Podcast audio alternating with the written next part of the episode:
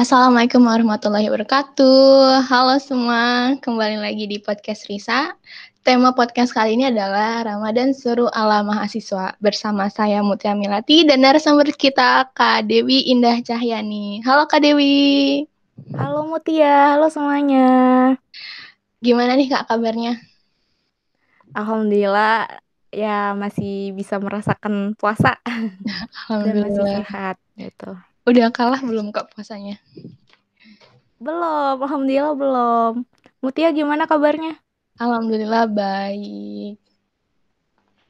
Terus Udah Kak, oh, belum, alhamdulillah belum. uh, apa aja nih Kak kegiatannya sekarang? Hmm, kegiatan selama Ramadan ya? Ke aktivitas kesibukannya sekarang ini. Apa di uh, sibuk kuliah aja atau di apa formasi atau gimana Kak? Hmm, kalau kesibukan sih sekarang ya sama sih kayak teman-teman semua di sini kuliah online ya gitu dan juga alhamdulillah sekarang juga lagi aktif di formasi sama Rosella atau Rohis S L54 gitu. Sering rapat-rapat online juga dong. Uh, sebenarnya kalau selama pandemi sekarang sih agak jarang sih rapat online karena kayaknya juga uh, sulit buat teman-teman di formasi buat ini ya, buat sesuai jam, sesuai target dan juga kan karena ngelihat kondisi kemarin, kondisi pandemi sekarang juga kita banyak banget proker yang diundur jadinya di semester mm -hmm. depan. Jadi agak lebih free aja gitu kalau sekarang. Jadi cuman sibuk kuliah aja nih ya. Iya. Nih, uh, kita nih Kak sebagai mahasiswa, apa sih peran yang bisa kita lakukan gitu? Apa yang peran yang bisa kita ambil untuk membantu syiar Islam? Membantu syiar Islam ya? Ya. Uh, sebenarnya banyak banget ya kalau menurut aku yang berhubungan dengan peran mahasiswa buat syiar Islam ini. Karena kan sekarang pandemi juga ya. Iya. Jadi komunikasi kita dengan orang lain melalui so sosial media kan pastinya. Nah, bisa dimanfaatin nih menurut aku buat bikin inovasi syiar melalui media kayak gitu.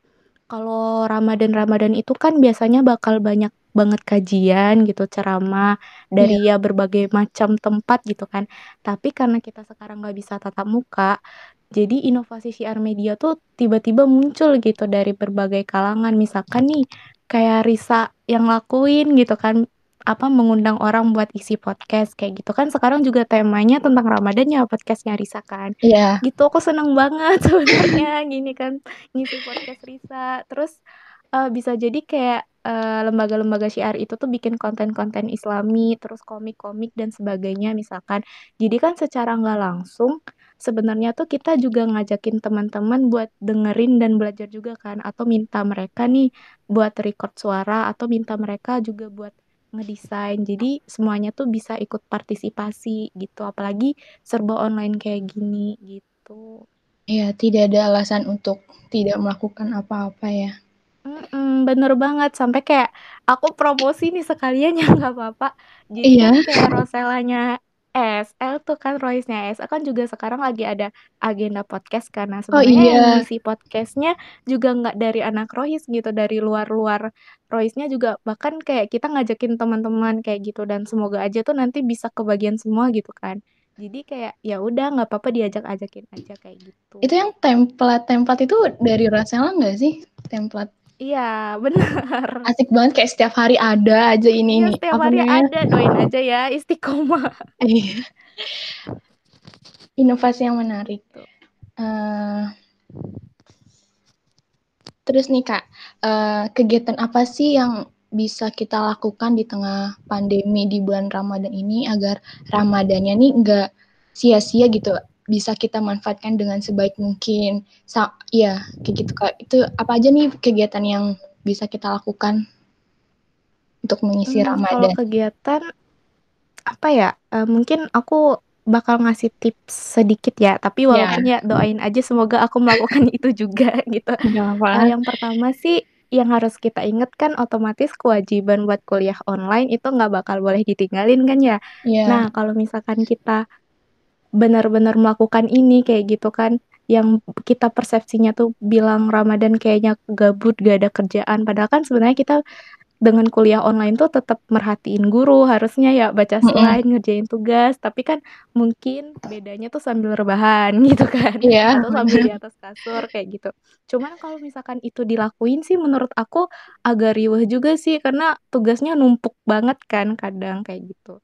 Nah, kalau di luar dari kuliah online sih eee, dari aku tipsnya ya mungkin kita juga harus punya plan Ramadan atau target Ramadan gitu. Karena kan, eee, apa ya, itu tuh bisa bikin hidup kita terarah sih menurut aku. Kalau Mutia ada target Ramadan nggak kira-kira? Target Ramadan maunya sih khatam Quran ya, kayak, eee, susah gitu loh untuk menghatamkan Quran. Apalagi Nah, itu dia. Mhm, Iya. jadi, eee, apa ya, dengan adanya target Ramadan tuh kadang nggak ada target Ramadan aja tuh kita, apa ya, udah ada target Ramadan aja tuh kadang masih susah ya, Susah apalagi ya, kalau nggak ada target ada, gitu iya kan. bener. Nah, makanya kenapa target Ramadan ini penting, kan Ramadan sendiri pun cuman sekali selama ta setahun Sak tuh, iya. sedangkan ini bulannya juga banyak berkah yang Allah turunkan, bahkan tidur orang puasa pun dinilai ibadah juga kan. Jadi masa nggak Mhm. mau sih ambil kesempatan buat dapetin pahala sebanyak-banyaknya gitu. Pun juga saran dari aku sih target ibadah tuh kalau bisa yang kuantitas sama kualitasnya tuh lebih tinggi dibanding hari biasa. Misalkan tuh kalau kuantitas tuh kayak apa, kalau misalkan ngaji kan biasanya kita 2 lembar aja tuh tiap hari. Iya. Nah, coba pas Ramadan tuh dibikin 5 lembar setiap harinya, ya optimis dulu aja sih sebenarnya iya. gitu. Ya kalaupun nggak tercapai sebenarnya nggak bakal dosa juga kan gitu. Heeh, Terus kalau kualitas sih kayak kalau dulu nih misalkan aku sendiri ya sebenarnya ini ngalamin, eee, pas jeda kuliah dari jam 12.00 ke jam 1.00 tuh kan nggak pulang kalau di Vembar ya. Jadi Mhm. makannya di Vembar gitu, salatnya di Vembar kayak gitu. Tapi malah habis waktunya buat makan, buat Iya ngumpul-ngumpul dulu sama temen, cerita. Jadi kayak sholat zuhurnya tuh ketunda nih, pas Nah. dosen udah masuk, baru keluar permisi satu-satu tuh buat izin izin ini, izin sholat. Sholat. Nah, itu aku juga ngalamin sih sebenarnya. Nah, coba selama Ramadan tuh sambil nunggu jeda kuliah ataupun kalau nggak ada kerjaan, tapi sholatnya jangan lup jangan ditunda gitu. Jadi kalau misalkan udah adzan, ya Langsung langsung sholat aja gitu. Terus kayak manfaatin waktunya buat jeda kuliah pun tilawah dululah berapa ayat, atau cek-cek Instagram, scroll Twitter, sebenarnya nggak apa-apa sih kalau menurut aku ya, asal jangan kebablasan gitu maksudnya. Iya. Dan yang dicari juga ya lebih ke kayak dicari konten-konten yang lebih berisikan nasehat atau motivasi aja gitu. Terus apalagi ya, sebenarnya nggak, mmm, apa yang kita isi selama Ramadan itu nggak cuman harus yang berhubungan sama ibadah aja sih menurut aku. Karena bisa kita bisa ngelakuin hal lain, misalkan bikin list kegiatan yang pengen dilakuin setiap hari. Hari ini aku harus selesai baca buku A nih yang nggak hatam-hatam sebelumnya gitu. Terus besok kayaknya mau belajar ngedesain gitu, atau iya. besoknya lagi tuh udah punya plan buat nyapuin halaman depan rumah tuh udah banyak daun jatuh, atau besoknya lagi belajar main gitar, atau besoknya lagi apa gitu. Nah, biasanya tuh kalau ada list-list kayak gitu tuh jadwalnya kan lebih teratur ya. Iya bener. Jadi kalaupun ada waktu luang sedikit aja, eh ternyata ada banyak hal yang bisa kita lakuin gitu. Jadi lakukan hobi hobi masing-masing yang selama ini sempat tertunda gitu. Ketika di kampus kan mungkin kerjaannya ya kuliah rapat kuliah Iya, rapat sampai bener. lupa buat refreshing gitu. Jadi Makan aja lupa gitu. Iya, ih Mutia pasti sering ngalamin kayaknya. Gitu, jadi kalau menurut aku ya, pasti ada ya kita tuh hobi yang pengen dilakuin gitu, Iya. kayak ke mana gitu, pengen ke sini ah, atau pengen belajar masak, belajar jahit gitu. Eh ternyata tuh nggak bisa ya selama di kampus. Nah, itu bisa kita Sekarang lakuin tuh, sih iya. selama di sekarang gitu. kesempatan yang bagus ya sekarang tuh. Mhm. Kalau plan Ramadan Kakak sendiri gimana tuh? Apa aja yang mau dilakuin, Kak? Kalau Kakak, eee, insya Allah pengennya sih eh doain ya, pengennya sih khatam ya. Iya. Insya Allah semoga bisa ya, semoga bisa khatam. Karena menurut aku itu hal yang wajib banget Mhm. dan kayaknya hampir semua orang tuh plan-nya tuh hatam gitu kan ya, Iya iya. gitu. Dan, eee, yang kedua sih aku pengennya tuh sebenarnya tarawih full sama tahajud full gitu selama Ramadan. Karena kayaknya ya kalau kita lihat-lihat tuh tarawih itu tuh kan salah satu kegiatan yang sebenarnya itu apa ya, dia tuh lama, tarawih itu kan lama ya, rakaatnya juga Heeh. banyak gitu. Tapi kalau misalkan kita ngelakuinnya bareng-bareng gitu sama orang berjamaah tuh kayak rasanya tuh lebih ringan aja kayak Iya, gitu. Dan bener juga kan bener. kita nggak ada plan buat bukber di luar gitu kan, Iya. maksudnya kayak nggak ada plan buat reuni-reuni lah sama teman apa SD, SMP, SMA misalkan kayak gitu. Jadi kayak ya udah otomatis tuh punya waktu buat nyiapin tarawih kayak gitu. Jadi insya Allah bisa di rumah sama keluarga tuh bisa full gitu. Terus kalau tahajud kan, eee, otomatis kalau puasa kan kita sahur ya, Mhm. dan sahur tuh wajib banget gitu, nggak boleh ditinggalin. Jadi coba kalau sebelum apa ya, sebelum sahur tuh aku pengennya ya aku jangan sahur dulu kayak gitu, tahajud dulu. Karena mumpung aku bangun nih malam-malam bener gitu, kalau hari biasa tuh kayaknya belum tentu bangun Iya, gitu. Bangunnya mepet. sih. Heeh, makanya gitu. Sama kalau misalkan sekarang sih aku lagi punya target buat belajar desain sama baca buku aja sih kalau yang di luar dari ibadahnya gitu. Ada beberapa buku yang aku bawa dari Bogor kemarin, walaupun sebenarnya sampai sekarang belum aku senggol. Aduh parah banget sih. Semoga hobinya terlaksana deh nanti. Ya, amin. Eee, selain itu ada nggak sih Kak, apa, eee, kegiatan yang pengen banget dilakuin gitu?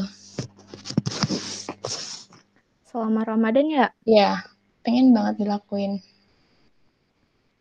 Apa sih kalau misalkan aku, mmm pengen banget dilakuin tuh kayak kalau dulu kebiasaan kebiasaan aku sama teman-teman SMA mungkin ya kalau misalkan udah libur nih, udah mau lebaran kan kumpul biasanya Iya, pulang gitu itu kan. kan, apa namanya, Nah momennya itu tuh. iya bener banget. Momennya itu sekarang ya mungkin belum bisa kita Iya. rasakan gitu. Kalau dulu sih SMA tuh kita suka bareng sama teman kelas tuh kayak dulu bagi-bagi takjil gitu di jalan gitu kan, di lampu merah, di pasar, sama pedagang-pedagang kaki kaki lima. Biasanya tuh kita suka ngadain itu dulunya. Dan ya mungkin sekarang tuh nggak ada bahasan juga ya di grup-grup Iya, karena emang kan ya nggak bakal bisa gitu dilakuin. Ya jadi sedih aja sih sebenarnya. Terus ya mungkin yang yang ilang banget ya, yang ilang banget Iya. sih bukber di Al-Hur, iya. Ih, aku belum pernah Karena aku ngerasain bukber di oh Al-Hur. iya. Ya mungkin karena aku mau cari gratisan kali ya. Ya Allah mahasiswa sih emang gini. Jadi kayak aku tuh seneng banget ke Al-Hur sebenarnya kalau dulu pas di Bogor. Jadi Mhm. ya sekarang nggak bisa ngerasain juga kan. Terus kalau di sini juga ya mau ke masjid mana gitu, tarawih aja nggak ada gitu kan. iya bener. Itu sih yang ilang. Dan sebenarnya aku pengen banget sih ngerasain tapi kita doain aja ya semoga tahun depan tuh apa ya, udah bisa melakukan Ramadan seperti biasa gitu. Selain, eee, yang yang barusan Kakak sebutin, apa aja sih kebiasaan-kebiasaan yang hilang saat Ramadan sekarang nih, Kak? Yang Kakak rasain Mmm. sendiri? Kalau secara keseluruhan sih Iya. mungkin teman-teman di sini pada ngerasain juga ya kayak tarawih udah nggak di masjid lagi kayak Mhm. gitu. Dan itu semuanya kerasa gitu, nggak cuman aku aja kayak gitu. Dan kayaknya tuh walaupun emang kita tarawih di rumah tuh beda aja gitu feel-nya, ya Iya, kan? Kayak kalau di masjid tuh ada sesuatu Rame-rame, iya. heeh, rame kayak gitu. Terus suara suara anak kecil Iya, lari-lari kayak bener gitu, bener. suara kembang api, percun segala macem gitu. Kayak aku ngerasa sekarang tuh kalau habis buka tuh biasanya tuh ada suara jedor-jedor gitu Mhm. kan. Ada anak kecil lah ibaratkan kayak gitu di di sekitar rumah. Cuman sekarang tuh sepi-sepi aja gitu Iya, kayaknya. Itu sepi, udah bener. bener-bener nggak kerasa sih kalau menurut aku. Dan juga, eee, apa sih, bukber bareng temen ya otomatis Iya, reuni-reuni segala macem. Kadang tuh bahkan sebelum Ramadan aja tuh udah ada list bukber, ayo Iya, bener Pasti bener. teman-teman di Bener sini banget. udah punya. Memperebutkan ini jadwal. Iya, jadi kayak saling tek-tekan gitu. Iya, bener Aduh itu emang bener-bener, "Aku nggak bisa nih aku nggak bisa nih." Itu emang udah riweuh sebelum Ramadan aja tuh udah riweuh Iya. duluan kan. Apalagi pas balik kampung tuh, apa ya, kadang tuh kita malah nggak mikirin bukber sama keluarga, pas Iya, udah libur tapi malah temen-temen lama gitu. Ya, Emang apalagi kita tuh kalau eee jadwal bia eee, jadwal biasanya tuh, eee, libur 10 hari sebelum lebaran kan ya, jadi tuh kayak mau Iya. didapetin buat bareng-bareng temen. Kadang tuh belum pulang aja tuh kita udah ditanyain gitu Iya, kayak, bener. "Dewi pulang kapan?" gitu, "Pulang kapan?" Kadang tuh ya Allah ini anaknya aja tuh belum nyampe rumah gitu, masih di Bogor tuh udah nama kita tuh udah masuk list gitu kan, Iya. padahal belum tentu kita udah pulang segitu, emang parah banget sih. Nah terus apalagi sih yang ilang, kayaknya tuh ya iktikaf gitu-gitu Iya ya, iya, terus bener, heeh. aksi-aksi sosial kayak yang turun ke jalan bagi-bagi kayak gitu tuh, aku rasa sih berkurang banget sih. Mungkin ada 1, 2 o 1, 2 komunitas lah yang bagi-bagi kayak gitu, tapi Mhm. nggak serame dan sepadat dulu ya gitu. Bahkan yang jualan pun di Sepi. di pasar tuh aku lihat tuh sepi gitu Mhm. kan. Jadi kasihan sih sebenarnya ya sama pedagang-pedagang yang harusnya cari nafkah tuh lewat sana Iya, gitu. bener. Apalagi kalau sih. biasanya nih kalau di bulan Ramadan tuh orang dagang apa aja laku aja gitu ya. Sekarang Iya, tuh pasti habis ya. iya, sekarang tuh ya Allah sepi banget. Terus nih, eee, kan momen Ramadan ini momen yang tepat lah istilahnya untuk bersilaturahmi ya, karena kan kita pulang ke kampung, terus, eee yang kuliah, yang sekolah pada libur gitu kan. Nah sekarang nih udah nggak bisa nih dan orang-orang tuh juga nggak boleh pulang kampung gitu. Apa sih yang Mhm. bisa menggantikan menggantikannya gitu loh, apa ya, eee, biar silaturahminya tetap jalan, tapi tuh wal eee, walaupun gitu tetep ada social distancing-nya gitu, apa yang bisa menggantikan? Mmm, sebenarnya kalau dari aku sih, eee, anjuran mudik ya berarti ya? Iya iya, anjuran mudik. Eee, agak bingung juga sih karena aku juga, eee, kalau lebaran tuh pasti mudik sama Iya, oh keluarga ke iya, rumah mudik ke Mbah mana, Kak? gitu. Mudik ke mana? Ke Palembang. Jauh dong, sekarang Kakak di mana?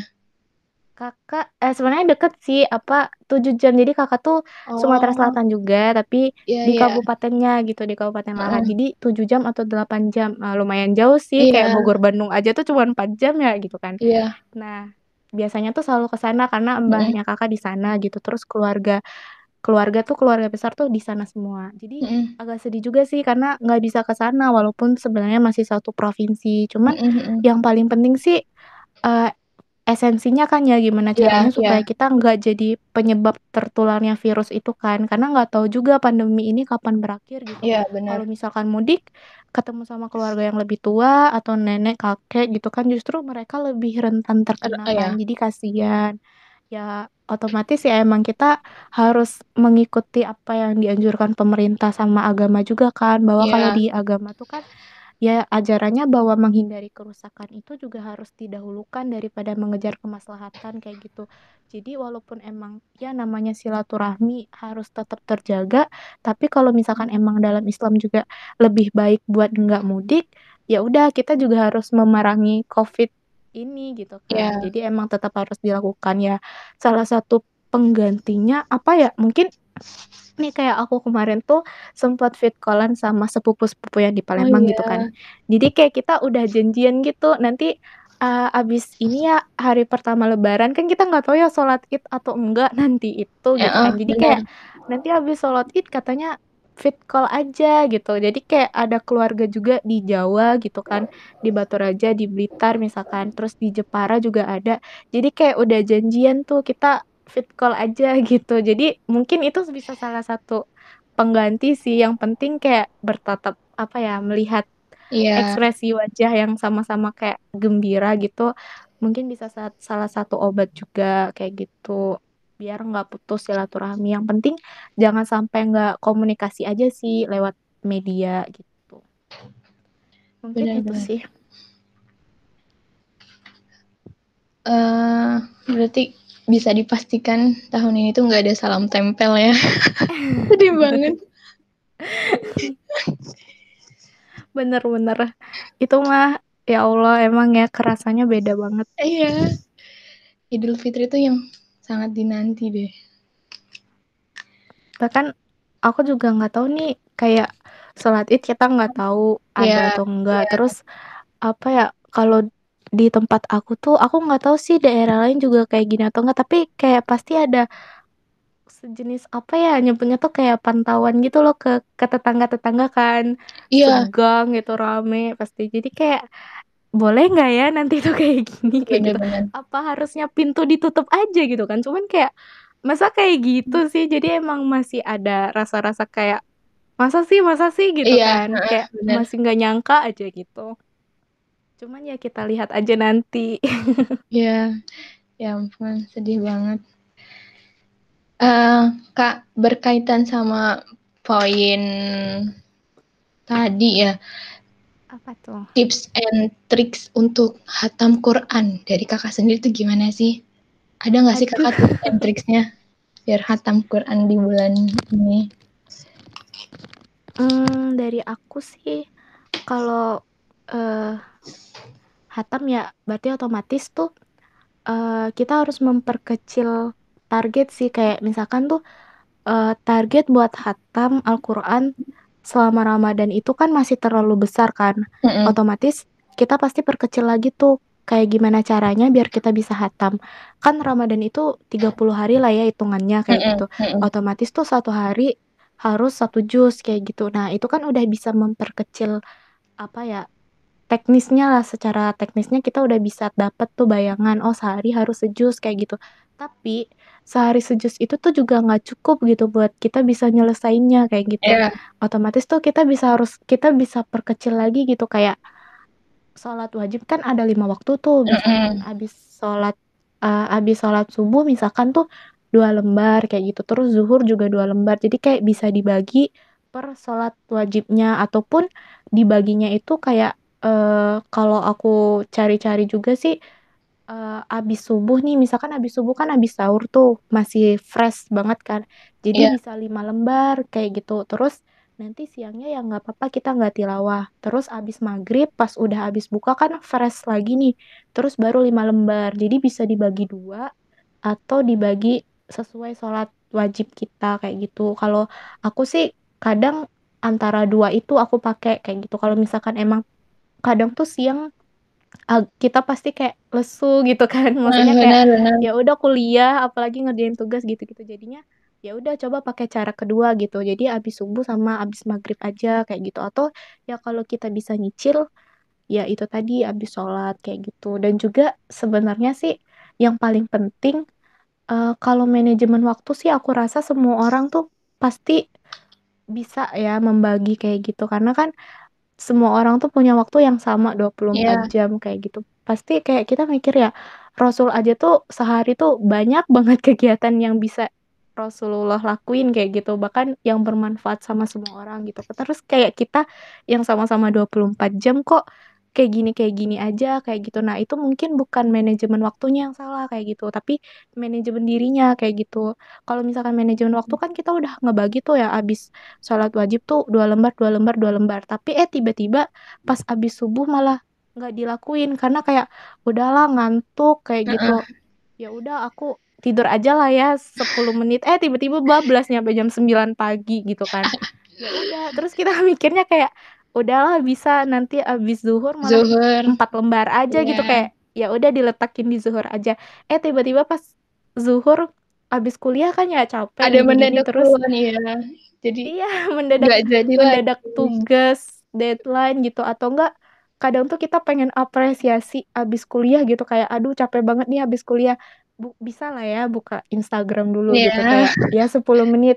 Nah, waktunya tuh kadang mikirnya 10 menit gitu, tapi lama-lama tuh nyampe asar gitu. Jadi kayak Benar banget. berarti itu yang salah tuh kitanya kan manajemen dirinya kan. Jadi kayak hawa nafsunya tuh kayak gitu. Jadi emang ya mau nggak mau emang harus dari diri juga sih sebenarnya gitu. Iya. Ih, aku ngomongnya tuh kayak berasa wah banget gitu ya.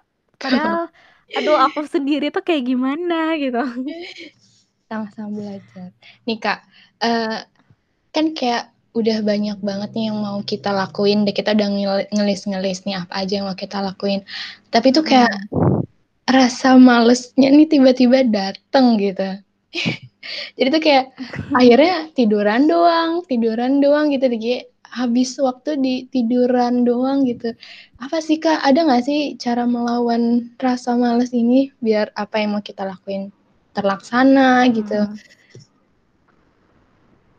Uh, itu tadi sih sebenarnya balik ke yang tips aku yang pertama sih kayak yang emang harus ada apa ya list kegiatan kayak gitu. Iya. Jadi kalau bisa tuh kita tuh uh, ngelistnya itu juga nggak cuman kayak hari ini ngapain hari ini ngapain ya kalau bisa lebih bagus malah justru jam 2 kayak gini, jam 3 kayak gini, jam 4 Iya. kayak gini. Nah itu justru lebih wow lagi sih walaupun sebenarnya sih nggak semua orang itu bisa ya apa melakukan metode list-list kayak gini kan. Ada yang emang mereka sifatnya ya aku apa yang aku lakukan, apa yang mood aku sekarang gitu kan biasanya ada Bener yang kayak bener. gitu. Cuman, eee, apa sih kalau misalkan udah males, udah ngantuk ya ibarat kata, nggak apa-apa sih aku mikirnya kayak ya kalau misalkan emang puasa butuh tidur siang hari, nggak masalah tidur aja gitu. Tapi ya 30 menit aja kayak gitu, balik lagi ke manajemen waktunya kayak gitu, cukup 30 menit. Nah habis itu ya jangan jangan tidur lagi kayak gitu, karena kan kadang tuh suka kebablasan nggak sih Iya, kayak bener. seharian full tuh tidur kayak gitu. Kan kalau dipikir-pikir kalau misalkan kita siang tidur nih, otomatis malam tuh jadi nggak ngantuk kan Iya, ya, bener. begadang lah segala Heeh. macem. Terus sahur justru malah kesiangan atau habis subuh nanti tidur lagi kayak gitu. Nah kalau kayak gitu tuh habis subuh tidur, ya kebangunnya ya otomatis siang lagi kayak gitu kan circle-nya jadi kayak gitu kayak gitu aja kan. Kalau Mhm. siang tidur, malam malah justru melek gitu kan matanya. Nah itu tuh ya emang dari diri kita sih kalau menurut aku. Jadi kayak ya kamu kalau misalkan emang kita harus tahu dulu esensi buat Ramadan ini tuh apa kayak gitu. Karena, eee, pahala yang ada di dalam Ramadan tuh kayak nggak tanggung-tanggung gitu Allah Iya. kasih kayak gitu. Nah kalau misalkan emang kita sadar, ya insya Allah tuh bisa gitu buat ngelakuin hal-hal yang lebih baik kayak gitu. Gitu dan sebenarnya tuh, eee, apa ya kalau misalkan kita merasa kayak waktu luang kita tuh sedikit, kalau kita bikin list kegiatan tuh kayak ngerasa tuh ternyata ada banyak sekali yang bisa kita lakukan kayak gitu bener. kan buat yang merasa gabut banget kayak gitu. Jadi kayak aku juga ngerasa main HP ya biasanya orang tuh kalau sekarang ya pandemi, nggak apa-apa kalau menurut aku kayak ya buka HP, Mas scroll IG, ya itu bisa jadi salah satu cara juga kan sebenarnya karena banyak sekali kegiatan yang justru malah berawal dari HP. Kayak misalkan tuh ada seminar atau apa sekarang tuh Mhm. lewat HP kan semuanya kayak gitu, ya udah dimanfaatin buat itu aja gitu. Sekalian buka HP kayak gitu, terus kayak ibaratkan tuh dengerin seminar dari mana gitu kan.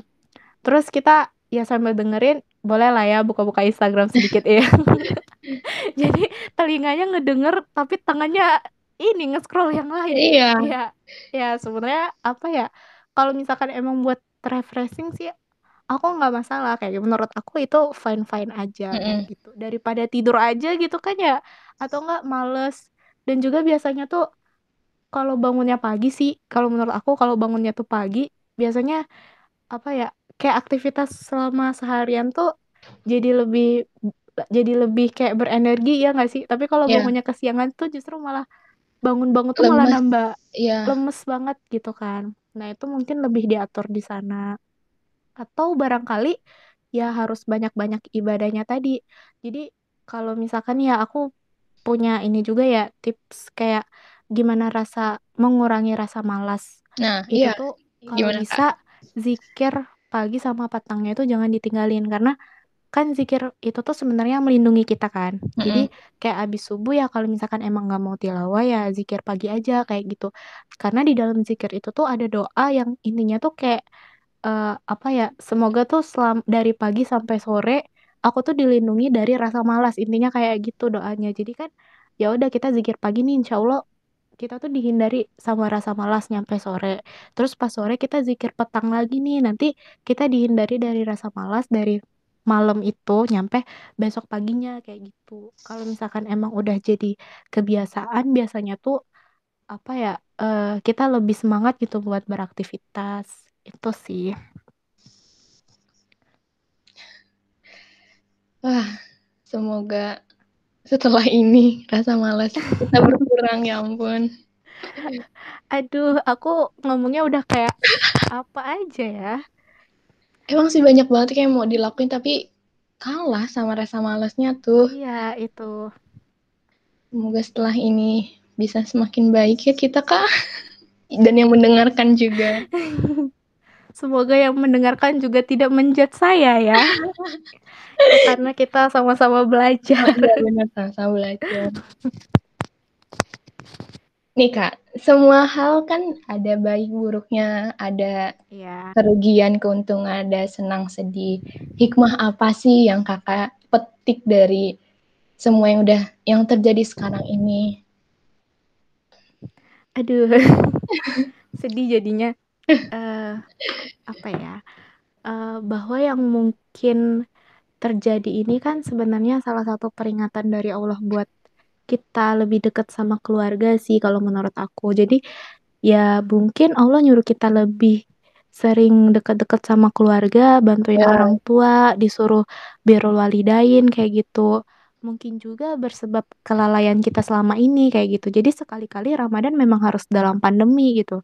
Dulu ketika kita bukber sana sini kayak gitu, terus punya agenda di luar, kita melakukan hal tersebut tan apa ya, tanpa mementingkan azan maghrib kayak gitu atau Iya, bersegera menunaikannya, atau justru malah nggak sempet tarawih kan karena reuni bareng benar. teman-teman. Nah, sekarang karena memang nggak bisa keluar keluar rumah, ya mungkin Allah memang lagi rindu sama kita gitu, punya banyak waktu di rumah, bukber di rumah aja, supaya kita punya banyak waktu buat mempersiapkan maghrib tepat waktu, isya tepat waktu, dan menuntaskan apa ya, hal-hal yang belum pernah kita lakukan di Ramadan sebelumnya kayak gitu. Jadi menurut aku pandemi memang membuat kesibukan dunia berhenti, tapi semarak keimanan dalam hati tuh nggak boleh mati. Iya, Iya, asik. quotes baru. Quotes baru. Jadi apa ya, ayo syukuri aja gitu keberadaannya. Begitu.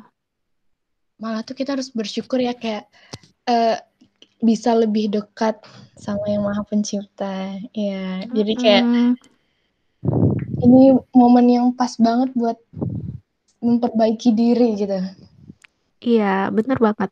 Bahkan sekarang tuh kayak aku ngerasa Masya Allah gitu orang-orang nggak cuman apa ya, nggak cuman orang-orang yang memang biasa berada di kegiatan apa ya, aktivitas aktif aktivitas sosial aja yang bantu orang-orang lain di tengah maraknya pandemi ya, tapi kayak Mhm. misalkan artis yang emang udah kaya banget, justru malah bantu bantu Iya. buat donasi gitu kan. Benar benar. Terus kadang ya ada ininya sendiri, ada targetannya sendiri. Misalkan si artis A mereka targetnya buat buat apa ya, buat si rumah sakit ini kayak gitu, buat APD, alat-alat. Terus ada yang si B ini, artis B ini emang fokusnya buat apa ya, masyarakat yang perekonomiannya terancam kayak gitu. Jadi kayak aku ngerasa semua orang tuh sekarang lagi me bahu-membahu gitu Iya, kan. benar.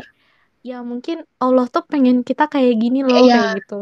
Jadi nggak apa-apa gitu pandemi kayak gitu. Yang penting emang harus kita harus jangan lupa buat apa ya, anjuran pemerintah tuh dilakuin kayak gitu. Nggak boleh keluar ya nggak boleh keluar kayak gitu. Sebenarnya tuh banyak banget ya hikmahnya dari hal Iya. yang terjadi sekarang.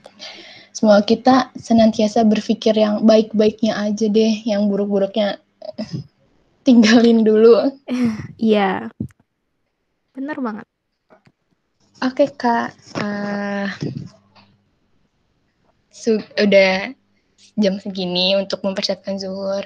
Terima kasih banyak Kak Dewi udah mau ngisi Sama-sama. Aduh, maaf ya kalau aku ngomongnya jadi kayak apa ya? Aku jadi malu, Jadi, sumpah. gak apa-apa tau Kak. Semoga yang mendengarkan uh, bisa melaksanakan tips and tricksnya. Semoga tips and tricks yang tadi disampaikan tuh bisa bermanfaat bagi orang banyak. Amin. Sama-sama memperbaiki diri. Ya, bener banget. Uh, Oke Kak, makasih banyak nih udah mau meluangkan waktunya. Sama-sama Mutia. Makasih juga ya buat Risa ya yang ngadain ini Iya. juga kayak ya semoga kalian tidak salah pilih orang. Enggak dong, Kak. Iya udah kita tutup podcastnya. Terima kasih banyak ya Kak Dewi ya Allah aku nggak bisa berkata apa. Kok semoga kok kayak jadi Mutia kayak speechless gitu eh, dan iya. aku bingung aku harus respon apa gitu kan. kayak banyak banget nah hal apa namanya pelajaran yang dapat loh. Jadi kayak membuka mata, hmm. membuka jiwa. yang ampun. aku selama ini tuh terlalu terlena dengan kulon. Ya nggak apa-apa kita sama-sama belajar yeah. ya. Ya, yeah, aku juga nggak ini sih, nggak terlalu maksudnya aku juga bukan yang sampai kayak menerapkan itu semuanya gitu. Jadi kayak ya sama-sama perlahan gitu.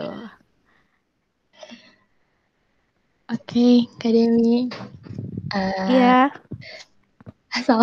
Wassalamualaikum warahmatullahi wabarakatuh. Oh iya, bentar. Belum, kita belum penutupan kak. ya aku udah salah. Makasih ya teman-teman yang udah udah mau mendengarkan podcast kali ini. Semoga tipsnya bermanfaat bagi kalian semua. Semoga kita bisa menjadi pribadi yang lebih baik lagi setelah uh, pandemi ini berakhir, setelah bulan Ramadan amin, berakhir. Amin, ya Semoga kita bisa memanfaatkan bulan Ramadan ini sebaik-baiknya dengan sebaik-baiknya. Gak ada nggak ada alasan lagi untuk sedih-sedih karena sebenarnya itu banyak banget hikmahnya. Ya kan Kak? Bener banget.